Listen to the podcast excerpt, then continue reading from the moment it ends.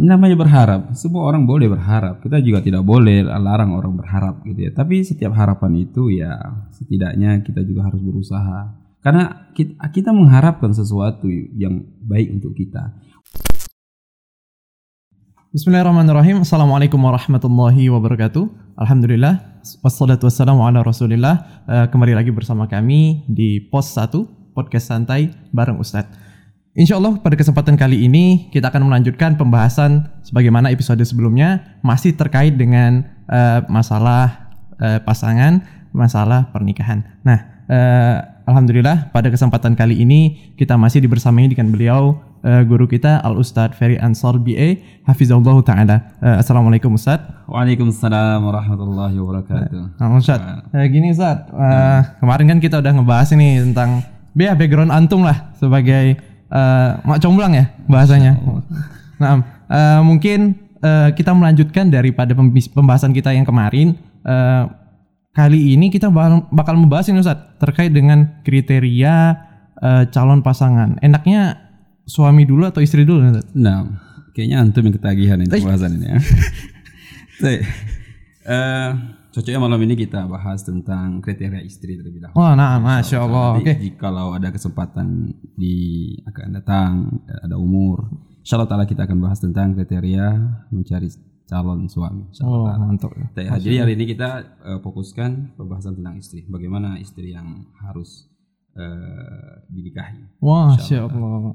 Oke, okay, uh, kalau gitu kita langsung saja masuk kepada main topik kita. No. Uh, Oke, okay, Ustadz, untuk yang pertama nih. Uh, apa aja sih kriteria umum nih yang harus kita uh, harus kita lihat, harus kita tentukan untuk menentukan uh, seorang calon istri supaya kita bisa membangun sebuah rumah tangga yang samawa istilahnya Ustaz gitu.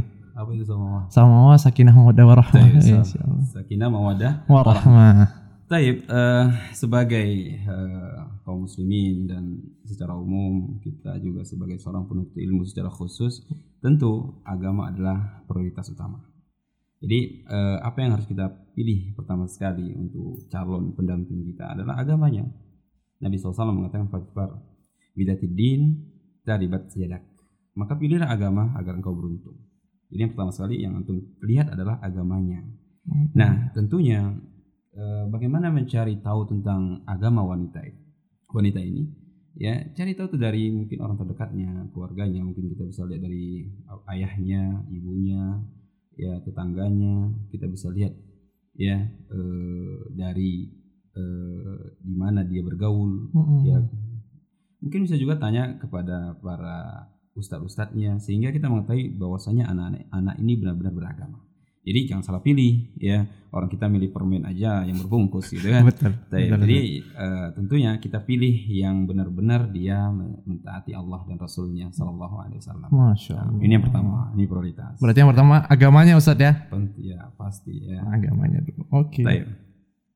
Kemudian uh, apa lagi? Selanjutnya. Kira-kira cantik perlu nggak? Kayaknya kebanyakan orang malah mikir yang nomor satu ah, itu Ustaz. Paras ya, itu ya, ya, ya ini uh, normal itu ya, normal. Jadi cantik itu perlu. Hmm. Ya. Bahkan uh, lebih daripada itu seperti harta, nasab. Ini juga ini uh, penting ya. Karena Nabi SAW juga mengatakan ini tunkah almar'atu li, li, li arba. Jadi wanita itu dinikahi karena empat perkara. Ya, karena empat kemungkinan. Yang pertama karena kecantikannya, karena hartanya, karena nasabnya dan karena agamanya. Kemudian Nabi mengatakan fadfar bidatidin taribat yadak. Maka pilihlah agamanya agar eh, engkau beruntung. Jadi dari empat kriteria ini mana yang paling utama? Agama. Nah, adapun cantik, kaya, nasab ini plusnya lah, ya tambahannya. Kenapa perlu cantik? Karena uh, tujuan menikah ya ini untuk uh, bersama dan bersama itu tidak satu atau dua hari. Kita ingin bersamanya uh, selama lamanya hmm. sampai uh, kematian menjemput kita. Jadi ya ini kecantikan ini penting ya agar benar-benar mata kita tertunduk. Karena satu di antara menikah itu kan ya ini godul basar ya. Ini udah menikah tapi matanya jelalatan mana-mana jelalatan ini bahaya. Jadi ya sebagaimana Nabi mengatakan apa yang ada di wanita yang kau lihat itu ada pada istrimu. Ya. Jadi penting ya cantikan itu penting. Oleh karenanya syariat Islam menganjurkan sebelum menikah itu nazar terlebih dahulu lihat. Ya cocok enggak? Ya. Pantas enggak? Kira-kira tertarik enggak kita? Kalau enggak tertarik ya sudah. Jadi enggak ada menikah itu karena kasihan. Ya. Tidak ada menikah itu karena kasihan aku sama dia jadi aku nikahin dia. Khawatirnya nanti dia yang kasihan setelah menikah. Iya, ya antum mau dikasihani setelah menikah. Nah itu yang yang kedua nah Oke Ustaz berarti eh, tadi ada empat itu ya Ustaz ya perkara itu yang paling penting tuh tetap agama ya Ustaz ya. Nah, agama. agama. Ya, ini agama prioritas. Ya, jadi antum kalau mau menikah cari dulu ya eh, bagaimana agamanya.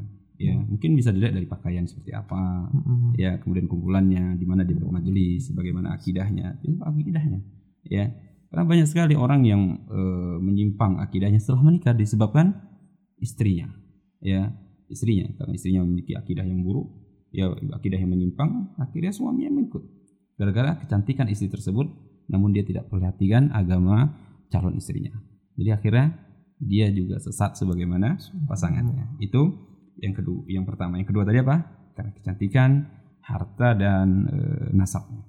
Kemudian perlu juga lembut, ya kelembutan, ya karena seorang suami itu, ya e, butuh dengan kelembutan lawan bicaranya.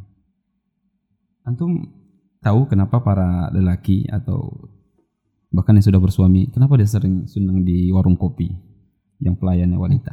Kenapa tuh Ustaz? Nah, coba antum Cuci mata nih. Nah, bukan cerita nyata. Tapi, udah menikah dia sering ke warung, duduk di warung, makan di warung. Ya, karena kelembutan pelayannya. Karena kelembut, kelembutan pelayannya. betul betul. Baru duduk apa tawarannya? Mau pesan apa Ah, Mas? berarti antum berpengalaman dalam itu kan. Butuh ya ini kelembutan dalam mencari eh, istri. Dari mana kita tahu?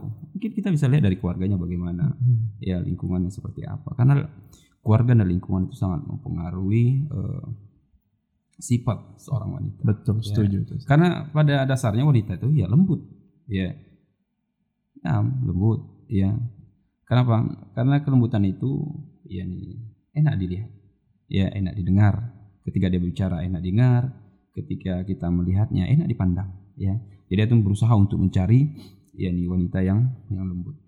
Nah, Oke, eh, masya Allah. Jadi untuk topik yang pertama saja udah sangat-sangat jelek. Oke, eh, untuk selanjutnya nih Ustadz nih ada pertanyaan yang sangat-sangat penting juga nih Ustadz. Nah, kita ini kan kadang-kadang eh, pengen tuh mencari eh, wanita sebagaimana dengan yang kita kriteriakan sebelumnya tadi yang kita bahas. Nah, eh, lantas langkah langkah apa saja tuh yang harus kita persiapkan baik supaya kita mendapatkan eh, calon istri eh, atau pasangan yang sesuai dengan kriteria kita dan sesuai dengan eh, yang empat tadi Ustaz, yang masalah agama dan semacamnya. Itu Ustaz. Nah, eh, tadi belum selesai kita jelaskan. ya, eh, ada kriteria yang lain Eh, bagi seorang eh, pemuda ketika ingin mencari calon itu cari yang gadis. Nah, itu mau cari gadis atau gajah janda? Kayaknya antum tipe-tipe cari janda. ya. Eh, cari gadis. Kenapa gadis? Ya, nih, Nabi SAW ketika bertanya kepada eh, Jabir bin Abdullah, dia ditanya, kau telah menikah, gadis atau janda? Jabir mengatakan janda. Kenapa tidak gadis? Sehingga engkau bisa bercanda dengannya, gitu ya. Tapi Jabir bin Abdullah punya alasan karena dia punya adik, ya banyak. Ya, nih, yang mana keluar, ya, nih, orang tuanya sudah meninggal. Sehingga apa tujuan dia menikahi janda tersebut? Untuk menjaga adik-adiknya. Nah, kalau memang ada alasan tertentu di sana ingin menikahi seorang janda karena ada alasan mungkin karena kasihan dengan ya, nih, dengan anak-anak janda tersebut yang sudah yatim, ya atau ingin eh, apa namanya karena dia melihat janda tersebut lebih taat daripada para gadis yang dia lihat. Ini tentu punya alasan yang dibenarkan. Namun tetap berusaha untuk mencari yang gadis agar ya ini bisa bercanda dengannya ya. Baik, jadi eh, gadis atau janda sebenarnya tidak jadi suatu permasalahan. Namun ya eh, berusaha untuk mencari yang yang gadis, Yang gadis. ya. Tapi kalau ada pilihan gadis dan janda yang gadis eh, kurang taat yang janda lebih taat. Mana yang terpilih? Tetap gadis? Nggak bisa nggak berani untuk menjawabnya Baik. Eh, kemudian yang eh, kelima yakni yang taat kepada suami. Ketika diperintah dia taat, ketika di eh, apa namanya ketika dilihat menyenangkan hati, ya ini tentunya kriteria eh, mungkin yang sulit untuk dicari keseluruhannya. Namun tetap yang pertama tadi prioritasnya apa? Agama. Agamanya. Yang kemudian yang terakhir ini sebelum pertanyaan antum Paham, jawab tadi penuh kasih sayang. Ya. Ya.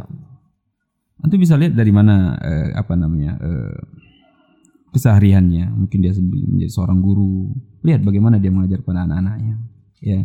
Kalau wanita-wanita yang suka memukul dan lain sebagainya, ini mungkin ya nih tidak tidak layak dijadikan seorang seorang istri gitu ya. Ustaz. Nah, tapi masalah pertanyaan antum tadi, ya, eh,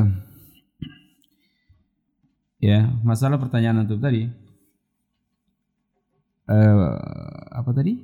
Eh, terkait ini Ustaz, bagaimana persiapan yang harus kita Eh, lakukan? persiapan. Tape. Ketika kita ingin mencari calon yang soleha, gitu ya, kita ingin tentunya wanita yang soleha. Maka perhatikan juga diri kita apakah kita sudah menjadi seorang laki-laki yang soleh. Maka solehkan diri, maka dia yang di sana juga mensolehkan, mensolehkan dirinya. Jadi pasti Allah akan berikan kepada kita sesuai dengan apa yang ada pada diri kita. Karena yang baik itu untuk yang Yang baik. baik. Ya, kita ingin dia soleha, kita ingin mencari wanita soleh. Namun diri kita sendiri tidak terkontrol. Mm-mm. Ya, diri sendiri tidak kita tidak perbaiki. Maka apa yang harus kita lakukan terlebih dahulu? Ya perbaiki diri.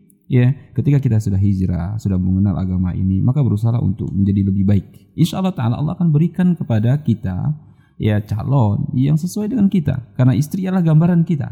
Ya, jangan mimpi untuk mendapatkan wanita saleha, namun kita adalah orang yang toleh. Pakai pakai to dia, Toleh, bukan pakai sol, toleh. pakai to. Ya, toleh dia, ahlul maksiat. Ya, ya hari-harinya hanya menyaksikan film-film yang Drakor ya, drakor. Ustaz. Nah, Subhanallah. bagaimana mendapatkan wanita yang soleha? Kalau ditanya bagi para kepada wanita-wanita soleha, bagaimana kriteria calon suami yang anti inginkan? Pasti dia mengatakan yang so, yang soleh. Ya, yang soleh adalah orang yang senantiasa beribadah kepada Allah dengan ikhlas dan berusaha mengikuti Nabi Sallallahu Alaihi Wasallam. Ini yang soleh. Jadi bukan hanya sekedar ini saya soleh gitu ya, sudah berjenggot, pakai gamis. tidak. Stylenya udah sunnah gitu ya Ustaz. Tidak, ini tidak. Lihat lihat bagaimana kesehariannya, ya. Mungkin bisa jadi dia tampakkan kepada khalayak ramai dia adalah orang saleh, namun ketika sendiri siapa dia? Betul. Nah, sendiri di kamar sendiri, Wah, itu tuh. ya. Itu Di yang malam Ustaz. yang gelap, ya kuota masih terisi penuh. Nah, itu, itu, Ustaz. Nah, jadi standar kesolehan itu ketika dia sendiri, apa yang dia lakukan ketika itu? Ketika dia hanya bersama Tuhannya. Ya, ketika dia hanya bersama Robnya, hanya Allah yang melihatnya ketika itu. Inilah orang saleh. Jadi, nah Allah mengetahui kita di mana pun kita berada, siapa pun kita Allah mengetahui kita. Dan ketika terjadi pernikahan, nah itulah yang layak, yang cocok untuk kita. Jadi jangan salahkan siapa calon kita kalau kita sendiri tidak pernah yakni eh, menyesali apa yang telah kita bu- perbuat. Ya, jadi ketika antum ingin menjadi mencari calon yang saleh, maka perbaiki diri antum terlebih dahulu. Perbaiki diri antum terlebih terlebih dahulu. Berarti mulai Kemu- dari diri Nah, sendiri Ustaz. ya. Kemudian berusaha mencari dari eh, jalur yang jelas ya. Mungkin bahasa antum tadi mak comblang. Pak Comblang. Ya mak comblang yang jelas. Betul. Siapa ini? Siapa dia gitu ya. Mungkin ini gurunya, mungkin mengetahui tentang kriterianya gitu. Jadi jangan asal-asalan Mm-mm. ya. Banyak orang yang ah saya mau nikah tolong carikan. Ya kira dicarikan sembarangan. Iya. Nggak tahu bagaimana dia, ya bagaimana kesehariannya, kerjanya di mana, nggak tahu. Jadi ketika kita ingin mendapatkan wanita yang saleha, ya yang pertama tadi kita perbaiki diri kita sendiri terlebih dahulu, kemudian cari jalur, ya mungkin bisa kata jalur sanat yang Jalur sanad. kuat, gitu ya, muttasil, gitu ya. Nah, ya agar kita benar-benar yakin bahwasanya wanita ini adalah wanita yang memang layak untuk dinikahi. Iya. Jangan salah-salah gitu ya. Kalau kita beli makanan aja pilih-pilih. Antum kalau beli makanan di mall semua antum pegang terkadang kan. Ha-ha. Walaupun yang diambil itu yang pertama kali dipegang. Iya. Semua sudah dipegang lihat beli gorengan dilihat kan. Pegangi semua. Ya, kita aja pilih makanan gitu ya. Apalagi mencari calon ya ya di pendamping hidup kita yang mana kita ya berusaha untuk nantinya beribadah kepada Allah Subhanahu wa taala bersama-sama dengan dia saling ta'awun tolong menolong ya karena berat tanggung jawab kita nanti ketika sudah menikah ya Allah taala mengatakan ku anfusikum wa ku, ku anfusakum wa ahlikum nara. Jagalah diri kalian dan keluarga kalian dari api neraka. Ya dan kita seorang pemimpin nantinya. Kalau istri adalah istri yang tidak taat ini akan membuat ya nih hidup kita semakin berat ya ini ada bagi kita. Ya ketika kita keluar rumah apa yang dia lakukan? Kita tidak tahu. Ya makanya mencari wanita yang yani hafizat dan qa- yani qanitat ya yang senantiasa taat kepada Allah dan menjaga yakni harta dan harga dirinya ketika suami tidak di rumah. Ini yang perlu kita cari. Dari mana? Dari jalur sanad yang jelas. Ya, mungkin nanti bisa cari Masya dari oh, ini ustadznya ini Dari gitu ya. Ustadz Nah. Nah, Taib. nanti anak tunggu antum. Taib, ya. Nah, kemudian Eh, ada lagi Ustaz? nah, tuh silakan. Oke, Nah. mungkin ini untuk ini nih Ustaz. Nah. Yang terakhir ini sebelum kita akhiri satu ya apa ya? Mungkin wejangan nih buat Ya. pemirsa sekalian dan buat anak pribadi juga terkhusus. Nah, Eh, ini Ustaz, eh, ada nih beberapa kaum idealis Hmm. yang maunya eh, punya istri yang hafidhah, hmm. yang udah hafal Quran gitu kan. Tapi nggak nggak ngaca dulu itu Nah, istilahnya Ustaz. iya. Dianya bahkan ilmu-ilmu alat seperti eh, baca Al-Qur'an aja masih belum lulus Hmm. gitu Ustaz. Dan dan ada juga nih Ustaz nih eh, fenomena ketika sudah menikah yang awalnya setiap hari kajian itu Ustaz. Ah. Eh kurang setiap pekannya yang awalnya seminggu datang terus akhirnya tiga hari akhirnya dua hari akhirnya hilang Gak nampak hidungnya lagi. nah nggak nampak sama sekali Ustaz. ah itu gimana nih Ustaz Sarannya. eh, namanya berharap. Semua orang boleh berharap. Kita juga tidak boleh larang orang berharap gitu ya. Tapi setiap harapan itu ya setidaknya kita juga harus berusaha. Karena kita, kita mengharapkan sesuatu yang baik untuk kita. Oh, ya dari orang lain. Maka orang lain juga seperti itu berharap mendapatkan apa yang ia dia mendapatkan dari kita itu sesuatu yang baik. Ya, sebagaimana kita berharap, maka orang lain juga berharap. Kita berharap mendapatkan akhwat yang saleha, maka akhwat juga berharap mendapatkan suami yang Soleh. soleh seperti itu. Maka kembali lagi kepada poin tadi, perbaiki diri terlebih dahulu, solehkan diri terlebih dahulu. Ya, nah masalah eh, setelah menikah hilang batang hidungnya gitu ya. Mungkin sebagai seorang teman ya kita kedepankan husnudon baik sangka. Ya baik sangka mungkin di sana ada permasalahan yang mungkin eh, tidak tidak atau belum mampu dia selesaikan ya dalam waktu yang singkat. Karena butuh apa namanya tentunya berbeda. Ya ketika dia lajang dengan ketika dia menikah sama-sama 24 jam.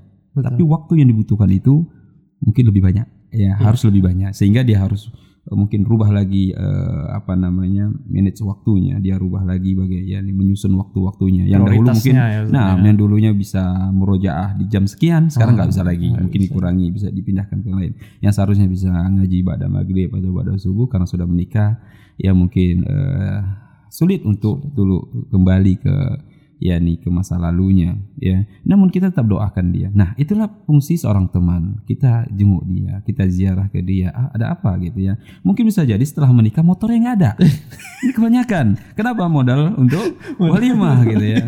Nah motor dijual kita kan nggak tahu Iya, gitu ya. betul. jadi seorang teman kali kita harus husnudzon dan cari tahu tentang dia. Bisa jadi mungkin ya apa namanya apa yang dia miliki ketika itu tidak dia miliki lagi setelah menikah iya ya, mungkin sih nah, seperti itu. jadi kita ya apa namanya kalau bahasa kekiniannya eh, apa thinking thinking itu Hah?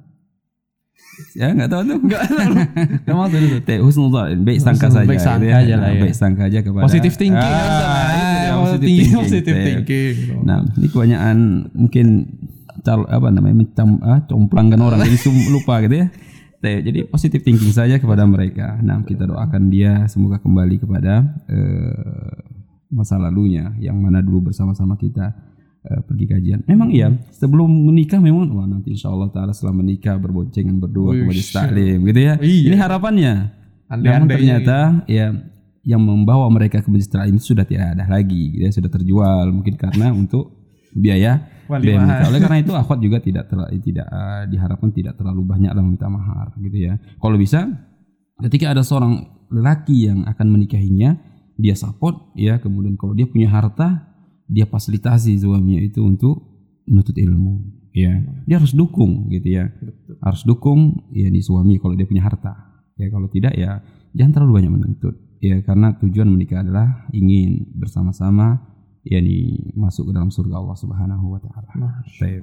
Mungkin ini dulu cukup ya. Insyaallah taala nanti eh, berkaitan dengan calon suami, calon suami insyaallah taala kita akan bicarakan di kesempatan yang akan datang. Insyaallah taala. Masya Allah. Oke. Eh, Jazakallahu khairan kepada Ustadz kami ucapkan. Eh, baiklah kita cukupkan sampai di sini saja pembahasan kita. Eh, nantikan terus episode pos 1 selanjutnya. Eh, insya Allah.